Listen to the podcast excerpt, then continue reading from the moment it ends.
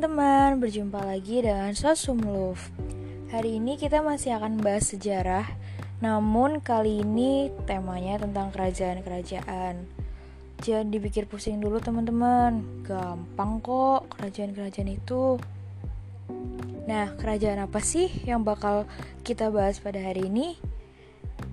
Oke, jadi hari ini aku bakal bahas tentang kerajaan Majapahit mulai dari awal banget berdirinya sama nama-nama tokohnya nih. Jadi ini tuh konsepnya bakal kayak cerita. Jadi kalian tinggal dengerin aja dan untuk kerajaan ini aku bakal sedikit pelan-pelan supaya kalian juga bisa memahami dan mencerna podcast aku sebaik mungkin. Yang pertama, seperti yang kita ketahui, pendiri kerajaan Majapahit adalah Raden Wijaya.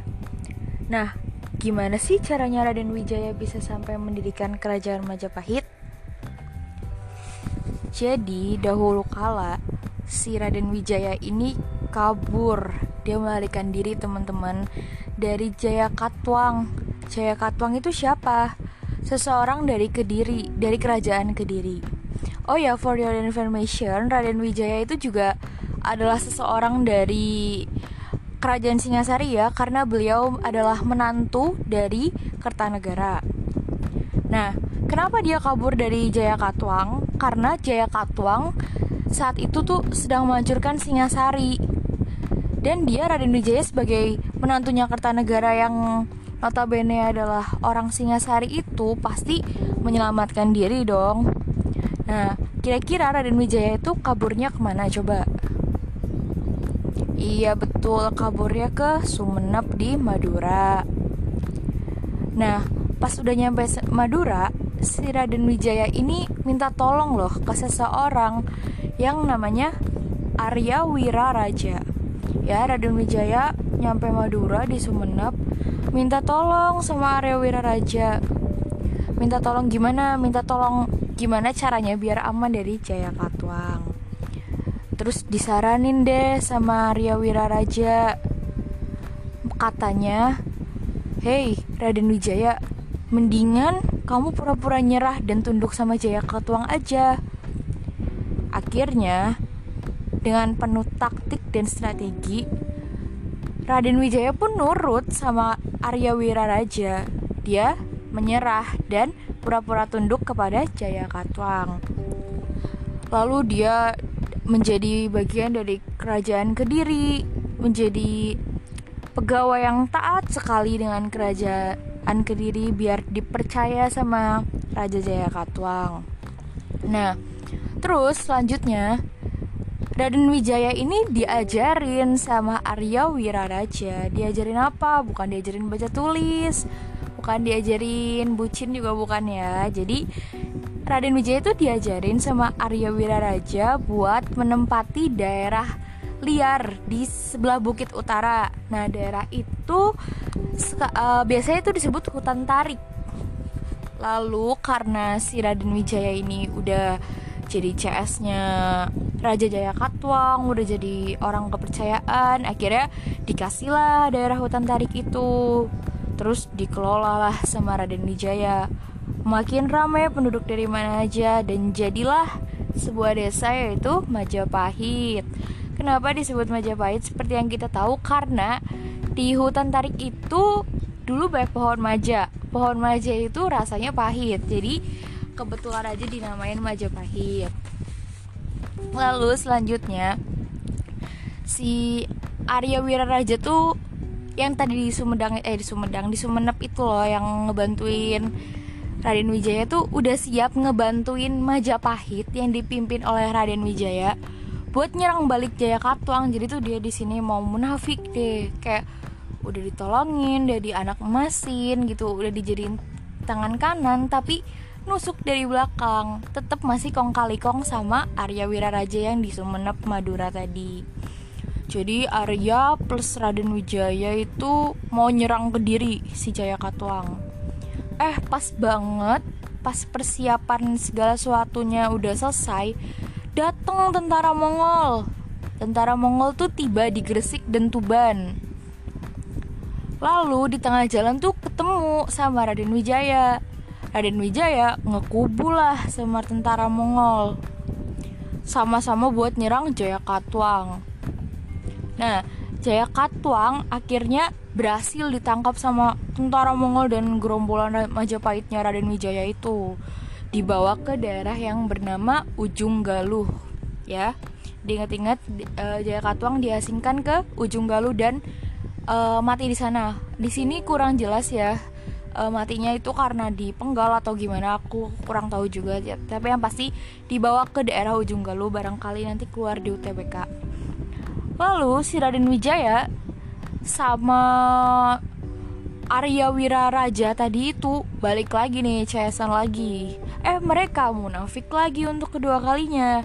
Mereka malah nyerang balik tentara Mongol.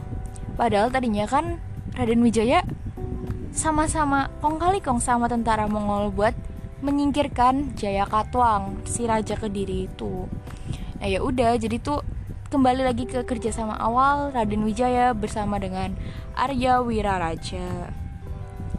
Lalu akhirnya Raden Wijaya adalah raja pertama Majapahit sekaligus pendiri. Nah, si Arya Wiraraja ini kan yang udah nolongin Raden Wijaya dari nol dari Raden Wijaya ketakutan dikejar-kejar Jaya Katuang kabur sampai Sumenep kan akhirnya si Arya Wiraraja ini waktu Raden Wijaya menjadi raja dia diberi kedudukan yang tinggi sebagai semacam bupati di daerah Lumajang Nah, karena Raden Wijaya orang yang baik, jadi tuh bukan si Arya Wiraraja doang yang dikasih kedudukan bagus, tapi dia punya sahabat lain. Tahu siapa namanya? Namanya adalah Lembu Sora atau Soraja dan Ranggalawe. Nah, Lembu Sora itu menjadi seorang patih di Daha. Ya, Sora adalah patih di Daha. Kemudian kalau Ranggalawe itu menjadi Amancanegara di Tuban. Nah, udah lagi tentram-tentramnya ya kekuasaan Raden Wijaya. Tiba-tiba tuh ada pemberontakan ada yang gak suka sama pembagian jabatan itu ngerasa dirinya tuh diperlakukan dengan tidak adil. Gak fair Raden Wijaya tuh ngasih jabatan ke Arya Wiraraja ini ke Lembu Sora ini ke Ranggalawe ini. Tahu nggak siapa yang pertama kali merasa diperlakukan tidak adil dan akhirnya timbul pemberontakan yang pertama dalam Majapahit? Iya betul. Jadi pemberontakan yang pertama adalah pemberontakan Ranggalawe. Kenapa Ranggalawe itu sebenarnya pengen jadi patih Majapahit? Tapi saat itu yang diberi kedudukan jabatan patih itu justru Nambi. Nambi itu anaknya anaknya Arya Wiraraja. Lah, ya iya, kenapa kok dikasihnya ke anaknya Arya Wiraraja? lah ya kan emang dari dulu Arya Wiraraja sama Raden Wijaya deket jadinya ya udah pasti Raden Wijaya lebih ngasih ke anaknya temennya dong tapi akhirnya pemberontakan Ranggalawe ini bisa ditumpas tenang aja dan Ranggalawe itu mati uh, pada tahun 1295 di tangan Kebo Anabrang udah kelar, udah adem ayem nih. Si Ranggalawe udah nggak ada, udah ditumpas sama kebuan Abrang. Sora atau lembu Sora itu nggak terima karena dia tuh sohibnya Ranggalawe. Dia nggak terima dong Ranggalawe meninggal. Terus balas dendam, dibunuhnya lah kebuan Anabrang oleh lembu Sora habis itu seluruh kerajaan itu satu warga kerajaan itu gempar bilang kalau apa yang dilakuin Sora udah ngebunuh kebo itu salah jadi Sora tuh harus dihukum tapi akhirnya tuh Sora tetap membangkang akhirnya entah terjadi pertumpahan darah atau gimana aku juga kurang jelas maaf banget mungkin kalau misalnya di antara teman-teman ada yang tahu gimana jelasnya bisa ikut komen di Twitter aku atau bisa WA aku. Uh, pokoknya akhirnya pemberontakan Sora itu Sora itu yang membangkang loh. Kalau dia tuh emang gue salah apa? gitu. Gue cuma ngebela temen gue Ranggalawe yang udah mati duluan. kenapa gue dihitung salah sama kerajaan? Kayak gitu kurang lebih kasarnya ya.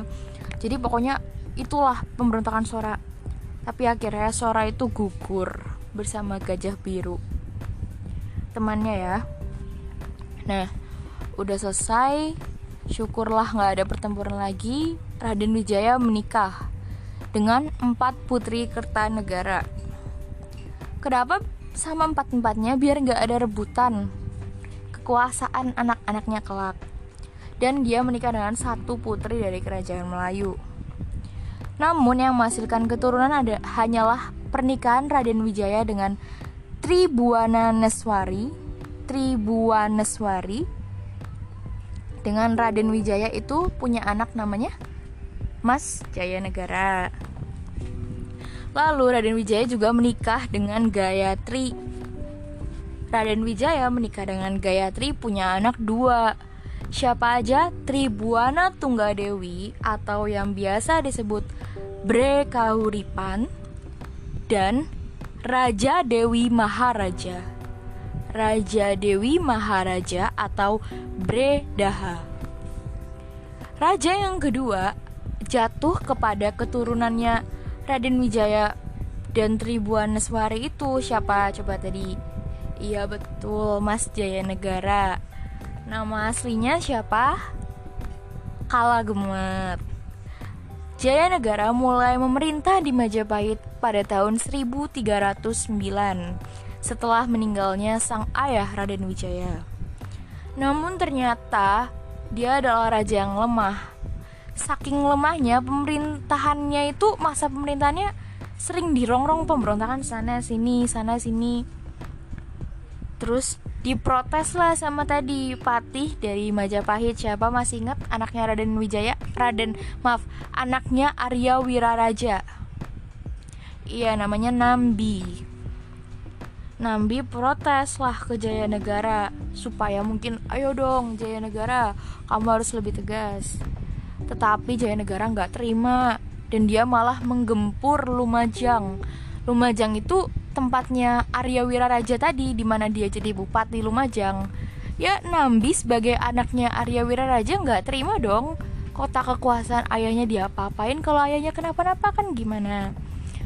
Terus akhirnya karena perbedaan pendapat antara Nambi dan Jaya Negara gelutlah mereka udah tuh di situ. Aduh kacau banget deh terus belum selesai masalah sama Nambi itu tahun 1316 Dua tahun kemudian, tahun 1318, ada pemberontakan Rasemi.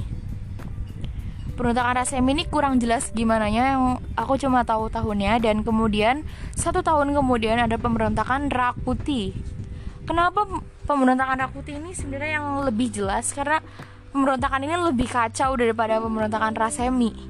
Bayangin aja ya, Rakuti itu berhasil menduduki ibu kota Majapahit Jaya negaranya tuh sampai tunggang langgang. Kabur dia ke desa Bandender. Badender.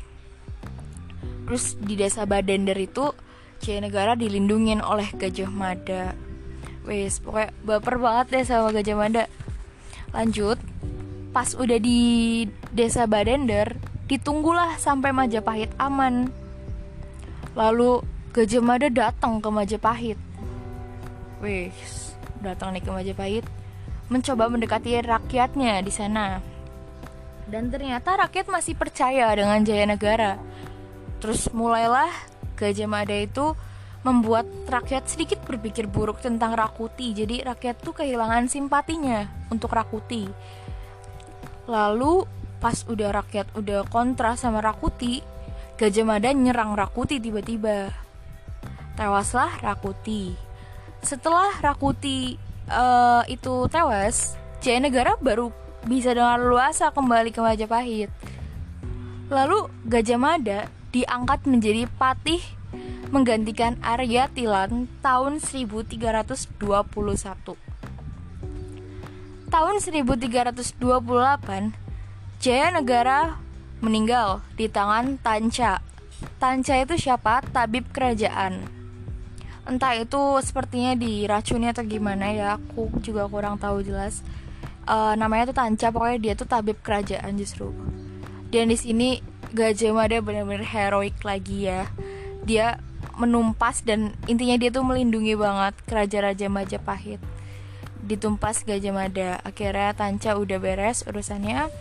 Lalu karena Jaya Negara tidak memiliki putra turunlah kekuasaan raja berikutnya kepada Tribuana Tunggadewi yaitu adik tirinya Tribuana Tunggadewi menjadi raja selama 1328 sampai 1350.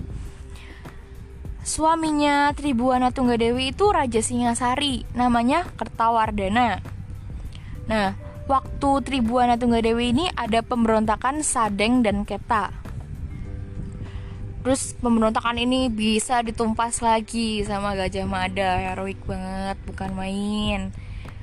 Terus Gajah Mada yang tadinya cuma patih naik pangkat jadi Mahapati itu tahun 1331 tadi ya seiring berjalannya waktu Gajah Mada itu orang yang cakap tahun 1343 Gajah Mada bersumpah.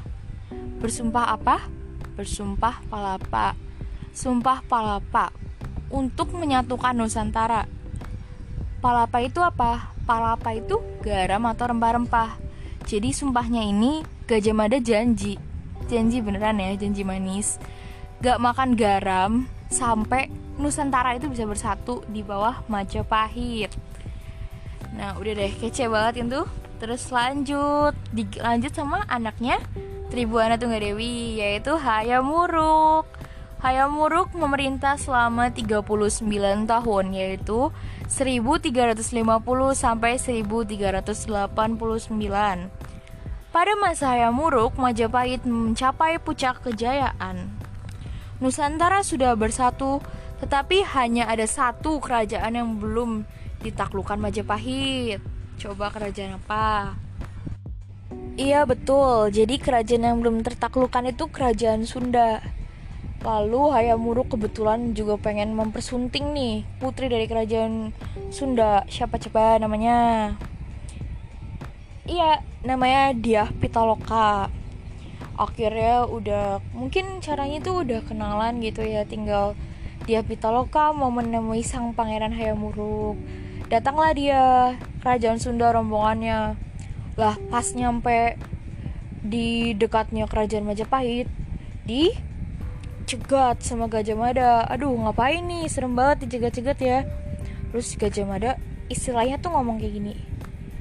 Oh kalian datang ya berarti deal ya. Kalian kalau menyetujui pertunangan ini kalian tunduk sama Majapahit.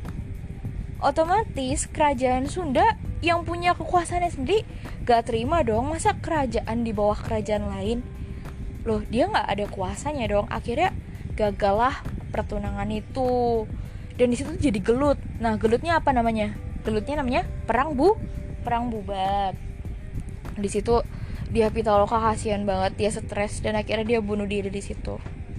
Selanjutnya raja terakhir itu Kertawijaya. Nah udah nih selesai nih ya masalah raja-raja sekarang kemunduran Majapahit. Kemunduran Majapahit itu yang pertama karena adanya kerajaan Demak yang berpengaruh bercorak Islam. Sementara Majapahit itu kan uh, Hindu Buddha ya jadi itu berlawanan gitu. Terus yang kedua daerah kekuasaan Majapahit itu melepaskan diri. Melepaskan diri dari Majapahit karena menurut mereka ya udah saatnya mereka nggak berada di bawah sebuah kerajaan lain gitu lalu ada perang Parekrek itu perebutan kekuasaan. Nah kalau perang Parekrek uh, nanti next time bakal aku bahas sendiri ya karena takut ini kepanjangan. Uh, lalu kalau peninggalannya itu Majapahit bidang sastranya jujur bagus banget ya memang. Terus peninggalannya itu ada kitab negara Kertagama. Siapa yang mengarang? Iya betul, yang mengarang adalah Empu Prapanca. Gimana cara ngafalinnya? Gampang. Negara Kertagama. Ga. Prapanca. Nca. Berarti Ganca. Negara Kertagama dibuat oleh Prapanca. Seperti itu aja ya. Jadi Ganca. E, negara Kertagama ini isinya apa sih kitabnya? Isinya tuh tentang keadaan kota Majapahit. Lalu ada perjalanan Hayamuruk ketika sampai jalan-jalan ke Jawa Timur gitu ke tempat kekuasaan Majapahit di Jawa Timur dan candi-candi Majapahit yang ada. Lalu kitab kedua yang terkenal ini di mana di kitab ini tuh terdapat dasar negara kita sampai sekarang. Eh dasar negara semboyan negara kita sampai sekarang maksudnya maaf. Uh, yaitu apa? Bhinneka Tunggal Ika. Coba Bhinneka Tunggal Ika itu ada di kitab kitab Sutasoma yang ditulis oleh Tantular betul Empu Tantular jadi sebenarnya Sita Soma itu adalah anak seorang raja yang menjadi pendeta Buddha. Nah jadi itu di kitab Sita Soma tuh sebenarnya berisi riwayat hidupnya Sita Soma tadi. Lalu Empu Tantular nggak cuma bikin kitab Sita Soma kitab apa, apa lagi? Ada namanya kitab Arjuna Wijaya. Nah sekarang biar hafal namanya uh, kita bisa hafalin ular soma juna ular soma juna ya jadi Tantular mengarang Sutasoma dan Arjuna Wijaya. Nah, kalau Arjuna Wijaya itu isinya tentang riwayat raja raksasa yang ada di Majapahit. Lalu kitab yang terakhir yang terkenal atau sering muncul di soal adalah Kunjara Karna dan Partaitsnits. Partaitsna Partaitsna tulisannya tapi dibacanya Partaitsna tulisannya ya uh, Kunjara Karna dan Partaitsna P A R T H A Y C N A. Nah kalau Kunjara Karna itu isinya tentang raksasa yang pengen jadi manusia. Lalu kalau Partaitsna itu isinya tentang pengembaraan Pandawa yang saat itu kalah main dadu sama Kurawa. Nah, demikian podcast aku tentang kerajaan Majapahit. Mohon maaf kalau misalnya ada materi yang kurang jelas dan jangan ragu-ragu untuk mengoreksi aku. Thanks for listening. Have a nice day.